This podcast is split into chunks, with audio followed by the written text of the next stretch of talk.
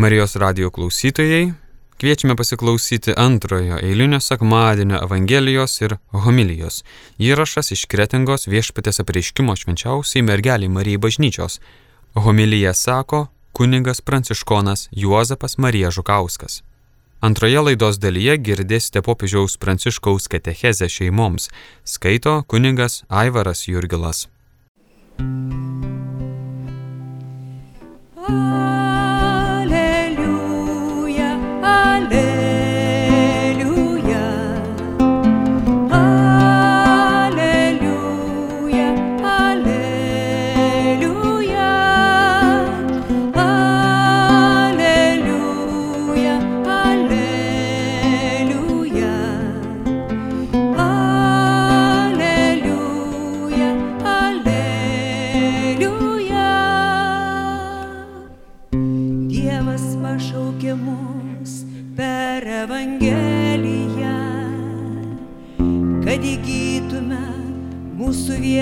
Viešpaties Jėzaus Kristaus garbę.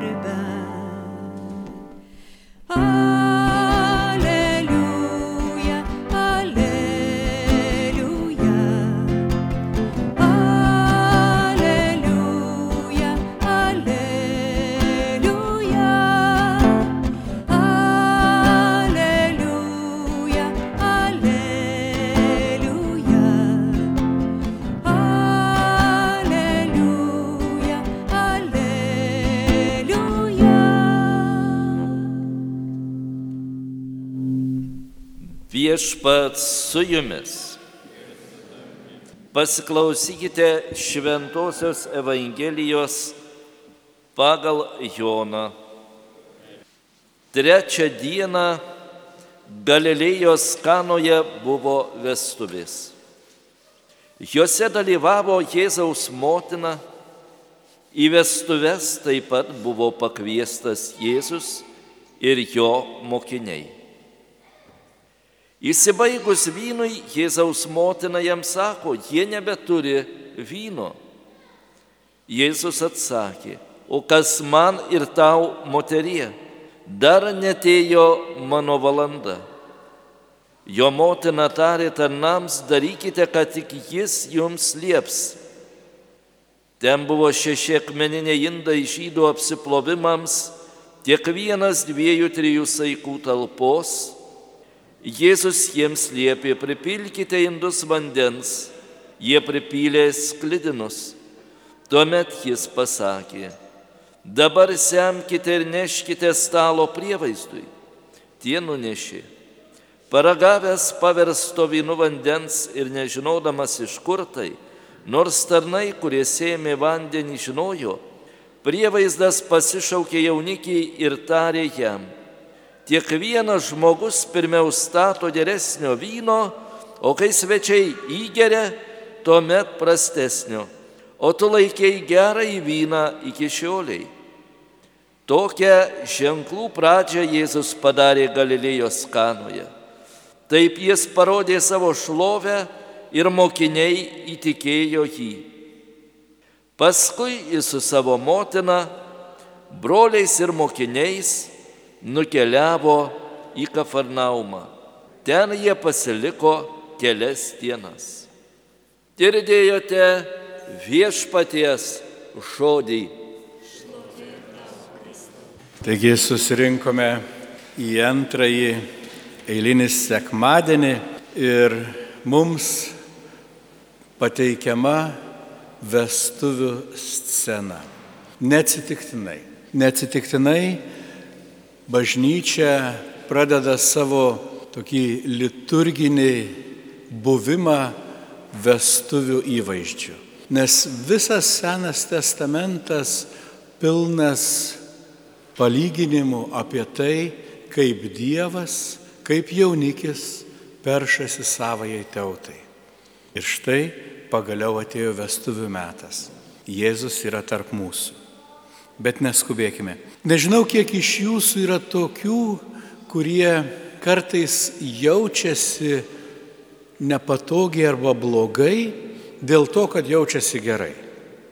Mes kartais kažkaip vat, nepatogiai jaučiamės, jeigu mums viskas sekas, jeigu esame linksmi ir ypatingai jeigu kažkur sudalyvaujam kokioje smagioje šventėje, po to tarsi sakome, palaukit, palaukit, gal čia taip katalikui krikščionių nelabai tinka linksmintis, vis tik reikėtų būti rimtam, susikaupusiam. Ir mes tarsi vėl nustatom tokią rimtį savo veidą, kartais net rūstumą ir prarandam tą tokį sugebėjimą džiaugtis. Ir cituojant jau mūsų tautos klasiką Erlicką, jisai sako, nenuostabu, kad žmonės Dievo neranda. Jeigu manęs su tokiais piktais ir liūdnais veidais, kas ieškoto, aš irgi slėpčiaus. Tai iš ties Jėzus ateina tam, kad mūsų gyvenimai būtų pripildyti džiaugsmo. Ir šiandien skaitome apie Jėzų atėjusi į vestuves. Ir galbūt mes kartais galvotume, nu, užtektų čia sudalyvauti toje oficialioje ceremonijoje, kažkur galbūt sinagogoje, nu ir po to jau užtektų, nebereikia jau čia eiti tą pasilinksminimo vakarėlį. Tačiau Jėzus ramiausiai su savo mokiniais ateina, švenčia, matome, kad net ir vyno pritrūksta, mums kartais galbūt būtų nepatogu pagalvoti, kad ir vat mergelė Marija galbūt irgi taurę arba dvi vyno išgėrė ir pirmoji pastebėjo, kad jau vynas baigėsi. Mes kažkaip taip galvojam, nu kaip čia dabar taip. O juk Jonas Evangelijoje sakė apie Jėzų, jis atėjo tam, kad jūs turėtumėte gyvenimą ir kad jūs apščiai turėtumėte gyvenimą. Ir šiandieno šventė iš tiesų pratėse tą Jėzaus ateimo džiaugsmą. Jau nuo pat kalėdų mes stebime, kaip Jėzus nežiūrint to, kad gimsta kaip neturtingas ir benamis Betliejuje, vis tik jie ateina pagarbinti džiūgaujantis piemenis, išgirdę angelų nešama džiaugsmo naujiena, kad štai gimė pasaulio išganytojas. Pas Jėzų atvyksta ir išminčiai, kurie su džiaugsmu jį pagarbina. Vėliau skaitome, kaip Jėzus krikštiesi Jordano upėje ir atsiveria dangus ir su džiaugsmu dangiškasis tėvas visiems paskelbė, šis yra mano mylimasis sunus, kuriuo aš geriuosi. Ir šiandien Jėzų mes matome vestuvių puotoje, kuriam yra svarbu būti su švenčiančia ir džiugaujančia savo tauta. Labai įdomiai aprašomas ir pats stebuklas arba ženklas, kaip jį vadina šventasis Jonas. Beje, pats pirmas Jėzaus padarytas stebuklas, nors iš pradžių jisai ginasi, kad štai dar netėjo jo valanda. Tačiau motinos prašomas įsako tarnams, pripildykit apsiplovimo indus vandeniu. Žydų tradicijoje būdavo akmeniniai indai prie namų, kuriuos naudodavo ritualiniams, tokiems apieiginiams apsiplovimams, nežiūrint to, kad šiaip mes plauname rankas, kad nuplautume purvą, tačiau buvo tikima, kad išėjus į miestą galbūt apsilankius turgų ar dar kažkur, mes ne tik išoriškai susitepame, bet ir mūsų vidus yra tarsi suteršiamas. Ir labai išmintingai prieš jį žengdamas į namus, kad neparneštų viso to brudo, kurio prisirinko gatvėje, jie to vandeniu nuplaudavo rankas, nuplaudavo veidą, kad galėtų švarus įeiti į namus. Taigi prie namų durų stovėdavo toks tarsi vanduo ir mes čia galėtume irgi pasimokyti prieš grįždami į namus palikti visus rūpešius, visus darbe susirinktus, visokius plėtkus ten už durų ir grįžti namus švare ir džiūgaujančia širdimi. Ir matome, kad įstabiai tai yra šeši indai. Galime matyti paralelę į savaičių dienas ir sakytumėt, kodėl šeši, o ne septyni. Ir mes pradžios knygoje skaitome, kad Dievas pasaulį kūrė šešias dienas, o septintą ilsisi. Taigi yra šešios tos darbo dienos, kaip tie akmeniniai indai. Ir nuostabus mums ženklas duodamas, kad septintoji diena tai nėra dar vienas indas, kurį reikia pripildyti. Septintoji diena yra vynas kuris pripildo visas kitas šešias dienas. Ir todėl mūsų susirinkimas čia sekmadienį neturėtų būti toks kaip lažas ar pareiga, va štai vykdyti bažnyčios įsakymą septintą dieną švesti, bet turėtų būti iš tiesų ta šventė, kuri pripildytų visas šešias darbo dienas džiaugsmo, stiprybės, jėgos, Ir kad tos septintos dienos mes iš tiesų su ilgesiu lauktume, kada vėl galėtume pripildyti ir pašvesti, pašventinti savo ateinančios savaitės dienas. Tuo pačiu ir padėkodami Dievui, kad nepleido mūsų. Bet grįžkime vėlgi prie tų Evangelijos žodžių. Kalbama apie vestuves, gal atkreipėte dėmesį, gal ne, bet pradžioje sakoma trečiąją dieną Galilėjos kanoje buvo vestuvės. Ir mes galime tarsi numatyti tą Jono mintį, trečią dieną Jėzus prisikels. Ir tuomet įgauna didesnę prasme tie Jėzaus žodžiai dar neatėjo mano valanda.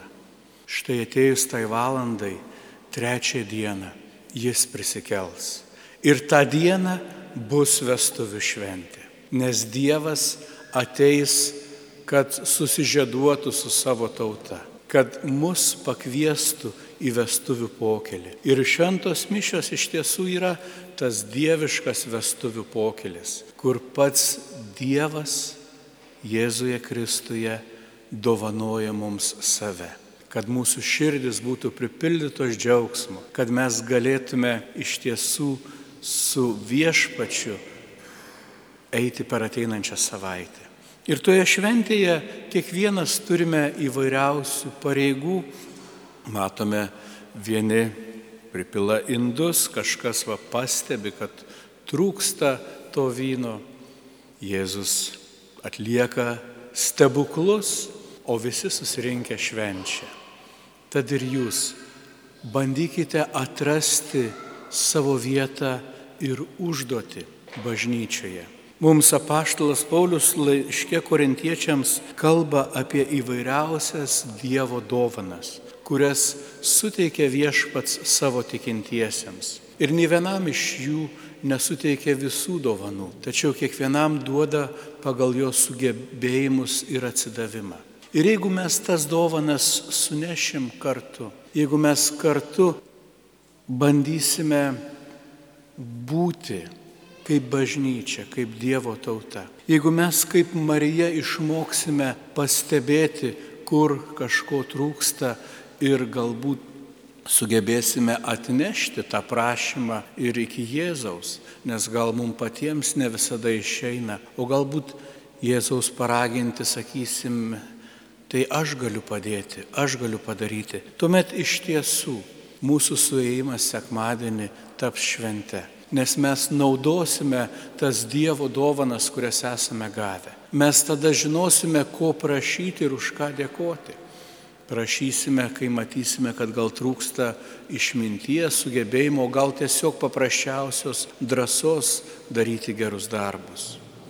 Galbūt trūksta viešpaties vedimo, kad atrasti vieną ar kitą sunkų sprendimą mūsų gyvenimuose. O galbūt tiesiog reikia kantrybės išlaukti per tą sunkų ir tamsų laiką, kol vėl nušvis ir viltis, ir gyvenimo džiaugsmas.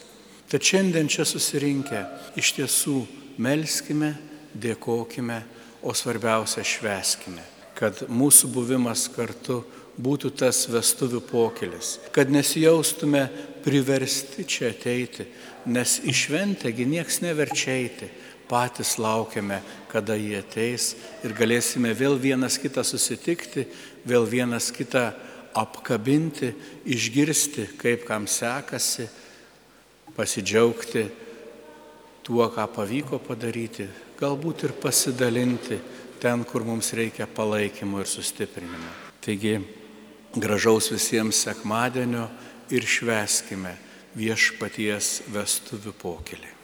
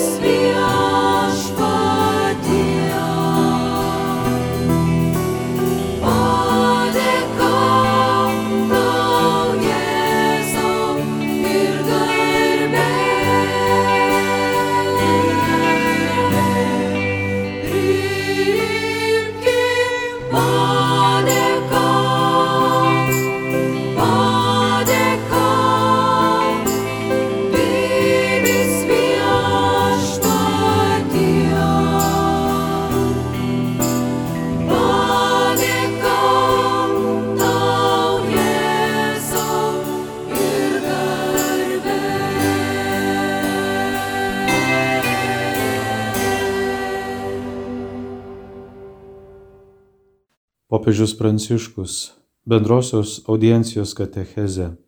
Broliai ir seserys. Tesdami katechezes apie šeimą, apsvarstę motinos, tėvo, vaikų vaidmenis, šiandien pamastykime apie brolius ir seseris. Brolis ir sesuo yra krikščionių mėgstami žodžiai. Šeimos patirties dėka šie žodžiai suprantami visų kultūrų ir visų laikų žmonėms. Broliškiems ryšiams tenka ypatinga vieta Dievo tautos istorijoje, kurioje apreiškimas grindžiamas žmogiškąją patirtimi. Psalmininkas gėda apie broliško ryšio grožį. Štai kaip gera ir kaip malonu, kur žmonės gyvena vienybėje. 133 psalmė. Tai tiesa, brolystė yra graži.